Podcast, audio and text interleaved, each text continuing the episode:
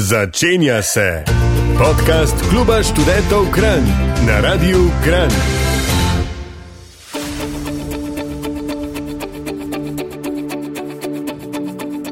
Dober večer, dragi poslušalci. V tem tednu Slovenci slavimo dan Rudolfa Majstra, s katerim se spominjamo noči z 22. na 23. november leta 1918, letos torej točno 105 let od tega dogodka, ko je general Majster s svojimi pogumnimi možmi v samostojni vojaški akciji razorožil nemško vojsko, prevzel vojaško oblast in utrdil slovensko politično oblast v Mariboru. Če tega območja ne bi zauzel, bi se v Mariboru, Gorni Radgoni in okoliških krajih govoril nemški jezik, trte v slovenskih goricah bi rasle na avstrijski zemlji in kakovostna bela vina bi se prodajala kot avstrijska. Zaradi njega je torej severovzhodni del Slovenije slovenski. Brez Rudolfa Majstra bi se zgodovina pisala povsem drugače. Od današnje Slovenije bi v kraljevini Jugoslaviji ostala le država Kranska, pa še ta ne v celoti, saj bi del notranske krivično priključen Italiji. S tem bi bil tudi pomen slovencev bistveno zmanjšan, saj bi bili podvrženi asimilaciji in preoblikovanju v jugoslovanski narod in vprašanje, če bi leta 1991 sploh dočakali samostojno slovensko državo. Rudolfa Majstra, moža velikih zgodovinskih dejanj, je raziskovalo že več znanih imen tega velikega moža, ne samo po telesu, ampak tudi po duhu, bom danes raziskala tudi jaz. Bratje v sedlo, vajeti v dlan, drava nas zove, jadra narjove, vranci naj skrešejo trde potkve, bratje naprej.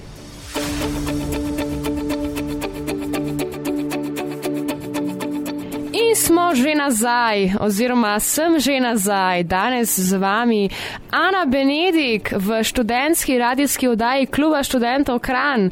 Vse to sem seveda pozabila povedati v uvodniku današnje oddaje, kaj ti čist sem noter padla v raziskovanje tega velikega moža, to je Rudolf Meister.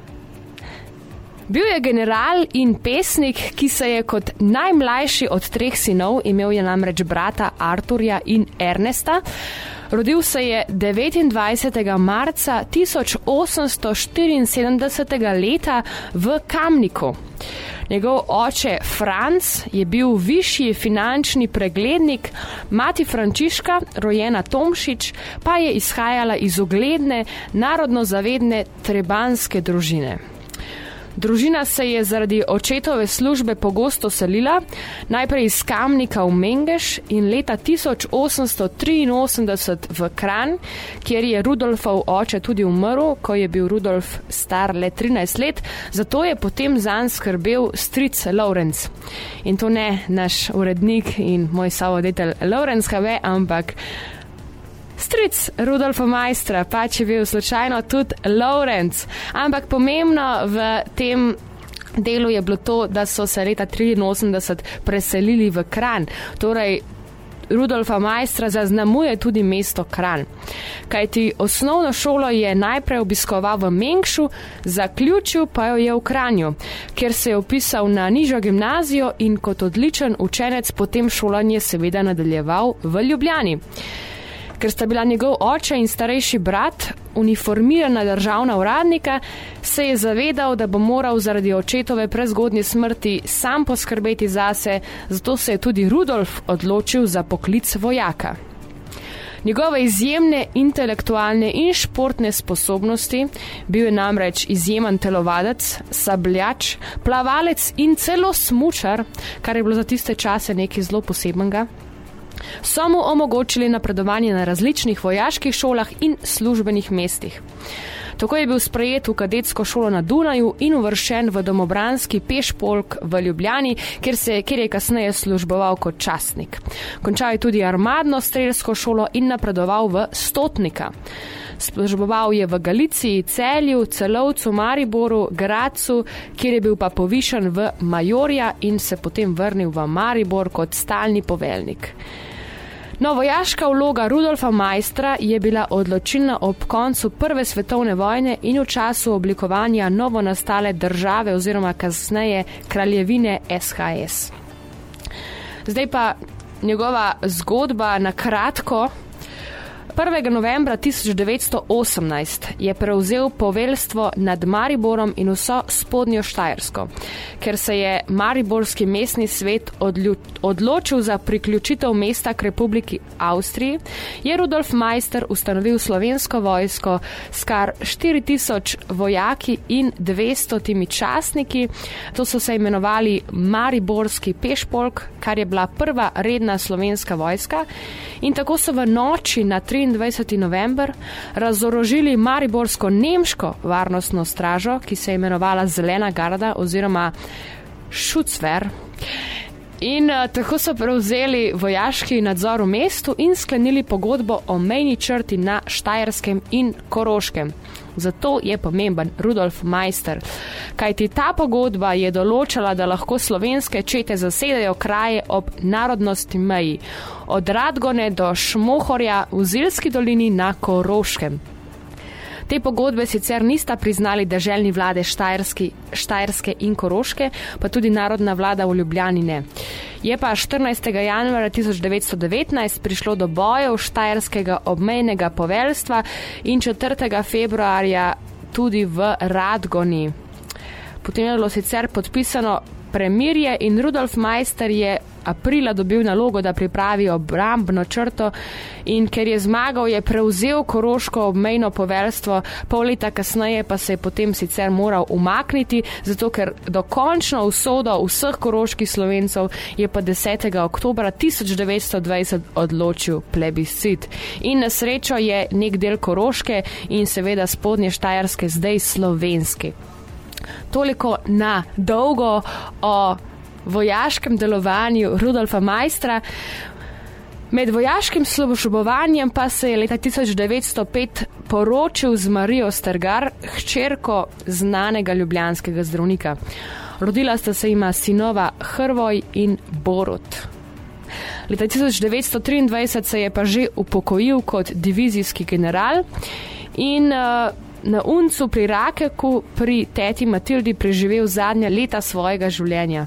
In zanimivo je to, ne? Zapisi pravijo, da je bil po kosilu tako dolgo na soncu, da ga je zadela srčna kap in je tako 26. julija, ko goduje sveta Ana, uh, leta 1934 Rudolf Meister tudi umrl.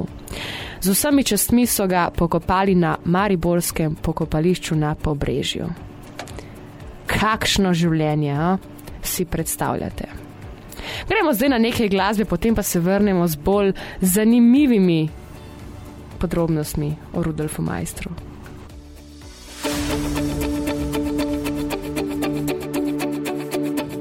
Živijo, živijo, Ana Benedik še vedno z vami. Danes sem sicer hotela narediti klasično duo oddajo z mojo Anjo Stare, ampak je trenutno tako utrujena od vsega dela na kmetiji in dela v studiu Radia Kran, da sem kar ostala sama. No, to um, ne drži, če oh, za res. Oh, Ana, to tukaj? ne drži, je pa, je pa resno, da ti prepuščam, da si danes kraljica, samo ti, ena in edina kraljica radijskega etra na Radio Kran. Anja, kako lepo je slišati spet tvoj glas. Ja, nisem neki hotel od Rudolfa Majstra povedati, nekaj zanimivosti si nam obljubila. Ja, zdaj smo že v tretjem breku, kjer nastopijo zanimivosti. Ene take stvari, ki jih tudi jaz nisem vedela o Rudolfu Majstru. Kam pravzaprav umestiti generala Rudolfa Majstra? A bi ga dala med heroje ali znamenite osebnosti? A jaz kam bi ga Anja, dala? Ja. Jaz bi ga dala kar za oboje. Kar za oboje? Ja. Zakva pa? Ja, zato, ker on je predvsej naredil za nas, ne? brez njega uh, se verjeten marsikaj ne bi zgodilo. Bil je le prvi general slovenske vojske in tudi velik bojevnik, narodni buditelj in kulturnik, ne, uh, ne pozabimo, je yeah. pisal tudi pesmi. Ja. Hkrati pa tudi heroj, ki se je bojeval tudi s tistimi, ki bi mu v resnici morali pomagati. Tako da je bil tak velik upornik ne? in ker je bil tako trmast in je ustrajal pri svojem, je dosegel tisto, kar je želel. In zato velja za enega največjih slovencev. In pred drugo svetovno vojno je tako vsako leto, 23. novembra, Mariborski pešpolk svečano proslavo obhajal ta spominski dan. Popovdne so v vojašnici pripravili vojaško veselico, ki so se je udeležili številni meščani, zvečer pa so časniki v dvorani hotela Orel s svojim gostom priredili še družabni večer. No, danes kaj takega se bolj kot ne ne dogaja, ne, saj jaz še nisem slišala za to, da bi tako obeleževali ta dan, ampak je mogoče mal padal v pozabo, za kar se je meni zdelo zanimivo, da bi zdaj to mal raziskala in predstavila ljudem in upam, da me bo kdo slišal in mogoče se mal zavedal, da kljub vsemu to je v bistvu 23. november velja za državni praznik, ki nažalost sicer še ni dela prost dan, mogoče se bo to kdaj spremenilo. Je mogoče, če kakšen minister za praznike zdaj le posluša ja. tole študentsko radijsko, ja. da bo pa mogoče naštimal, ja. pa drug let bomo ja. mogoče potem frej. Je pa od leta 2005 to že. Dan Rudolfa Majstra velja za državni praznik, torej že kar nekaj časa, pa se mogoče mi tega sploh ne zavedamo ali pa se zavedamo premalo. Drugače pa v Kamniku zelo ponosni na svojega, res je, res je. Svojega res je. kako bi se rekel, za. Um, So ja. zelo ponosni na svojega Rudolfa. Ja, on je kamenčan bil prvotno. Res je, ker on se je tam rodil in um, rojstno mesto se mu je kar večkrat poklonilo. Že leta 1924 mu je podarilo diplomo časnega meščana, ki jo je naslikal sam Maksim Gaspari.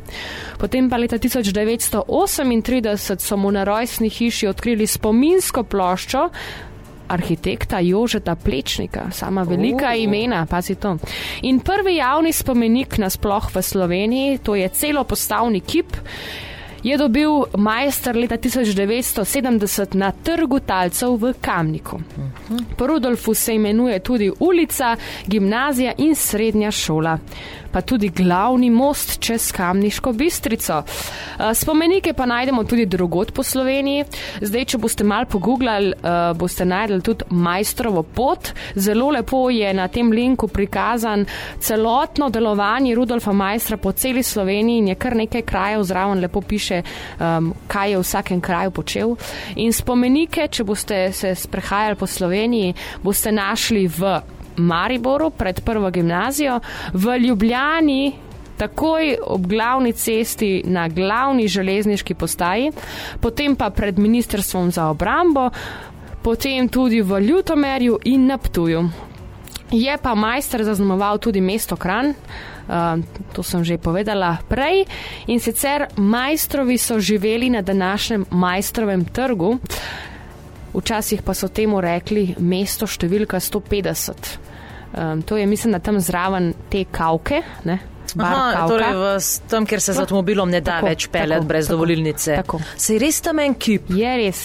Tam uh, je doprsni kip na pročelju hiše, kjer so živeli majstrovi in tu se vsako leto 23. novembra društvo general Rudolf Majster Kran pokloni temu velikemu možu.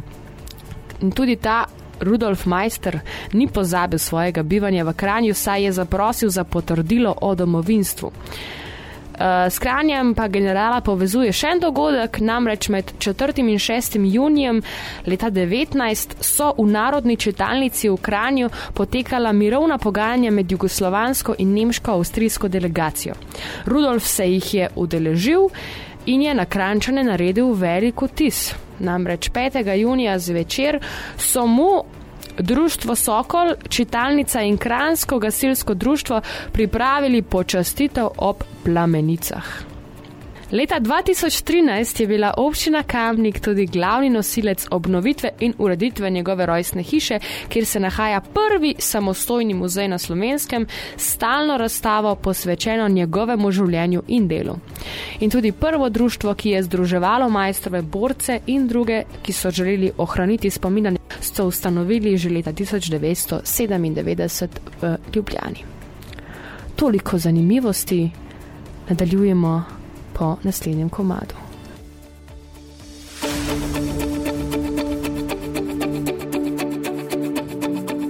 In smo že nazaj, danes že četrtič.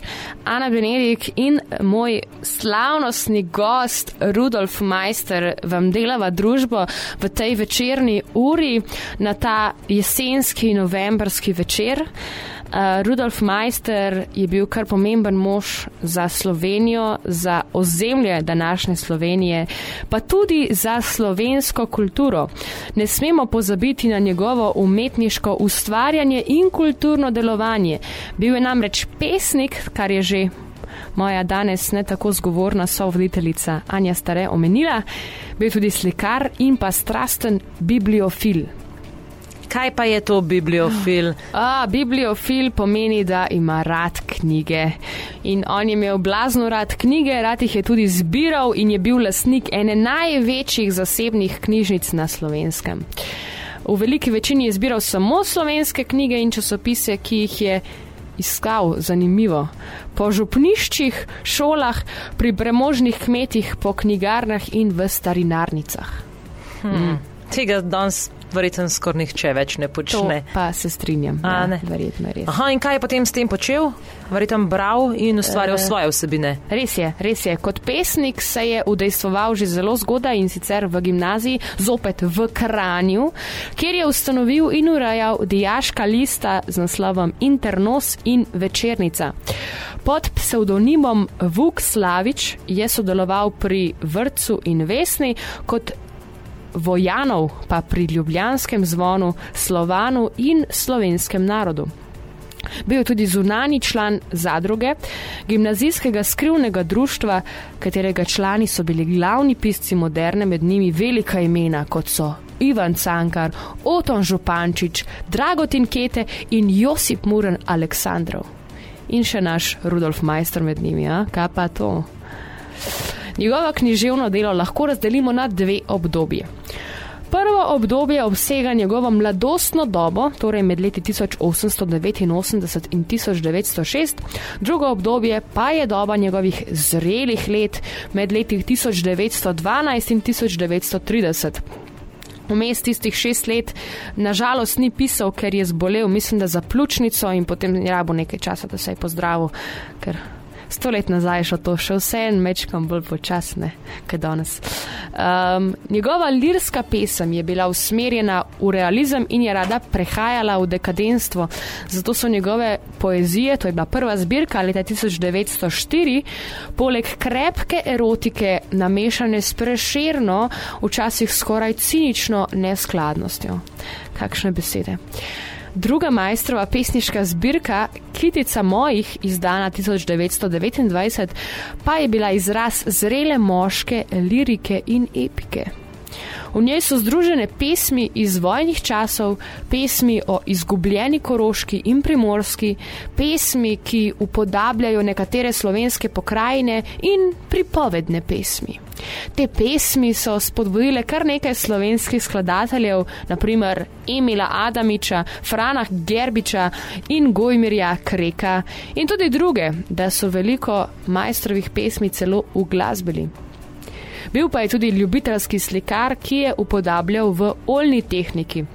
Ni sicer znano, ki je črpal svoje slikarsko znanje, je bil pa dober prijatelj Richarda Jakopiča, Matije Jame in Mateja Sternina.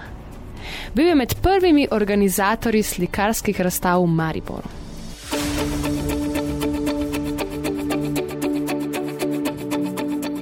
Pozdravljen, dragi študent ali študentka oziroma dijak ali dijakinja, ki boš kmalo študent ali študentka. Ta rubrika je še posebej namenjena tebi. Si že kdaj slišal, slišala za Mednarodni dan študentov, veš, da ga praznujemo in zakaj? 17. novembra smo se spominjali nacistične okupacije študentskih domov Praške univerze, to je bilo leta 1939, in deportacije več kot 1200 študentov v koncentracijska taborišča. Kakor se to sliši žalostno in kruto, je Mednarodni dan študentov pobuda za prizadevanje za boljšo družbo. Ti dogodki nas namreč spodbujajo k razmišljanju o našem poslanstvu in odgovornosti do družbe. Bodimo hvaležni, da lahko študiramo in da je študentsko življenje v Sloveniji tako ugodno in prijetno.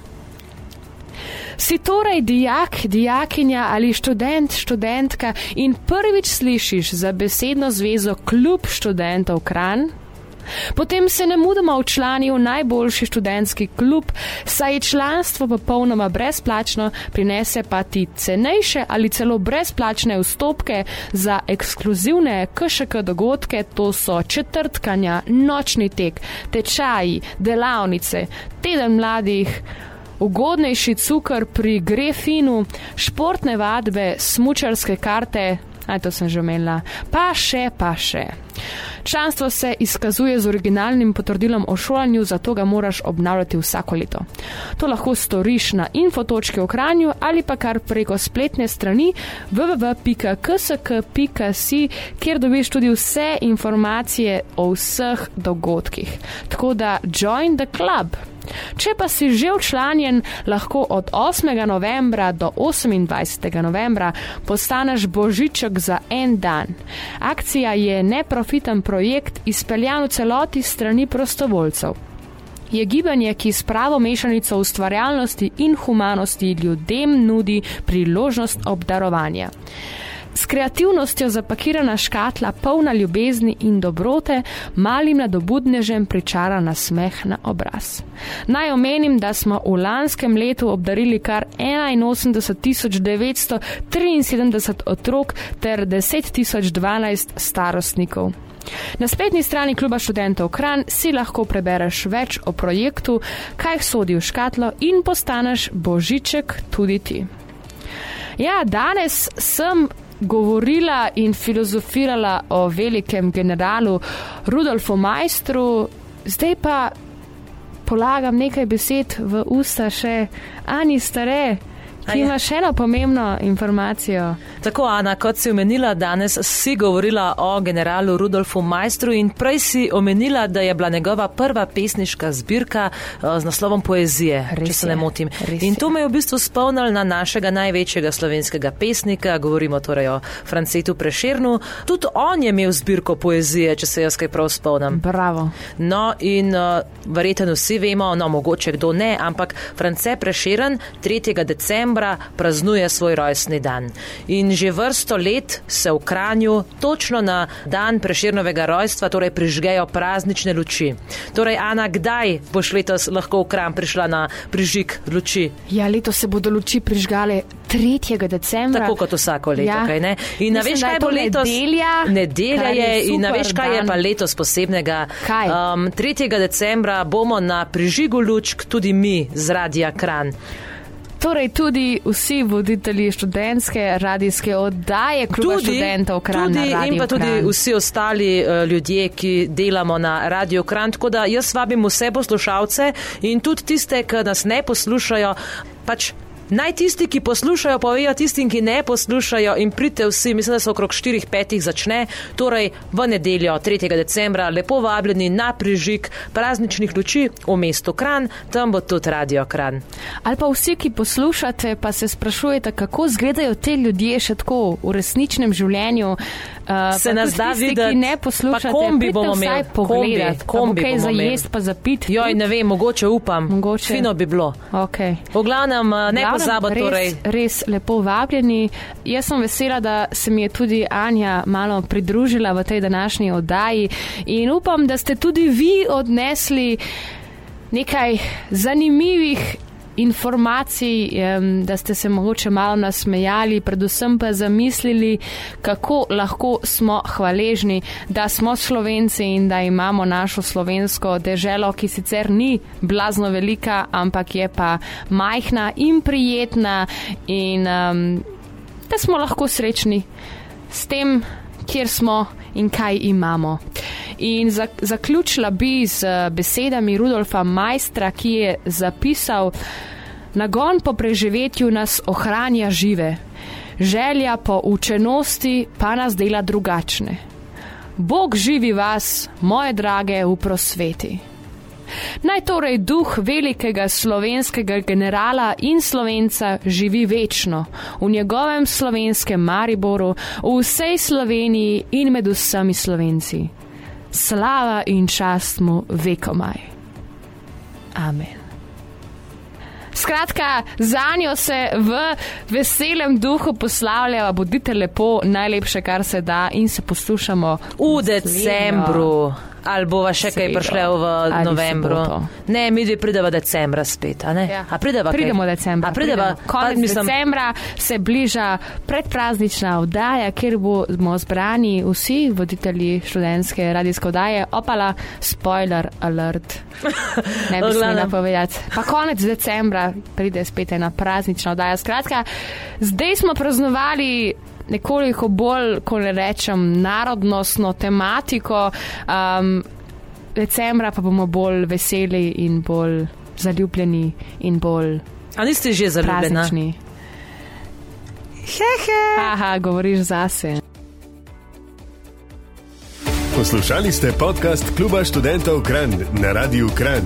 Še več bogatih oddaj najdete v vaši najljubši brezplačni aplikaciji za podkaste. Vaše predloge in komentarje sprejema urednik Laurence HB na elektronskem naslovu laurence.hb afna ksk.si. Še smo tu, vaš klub študentov Kran.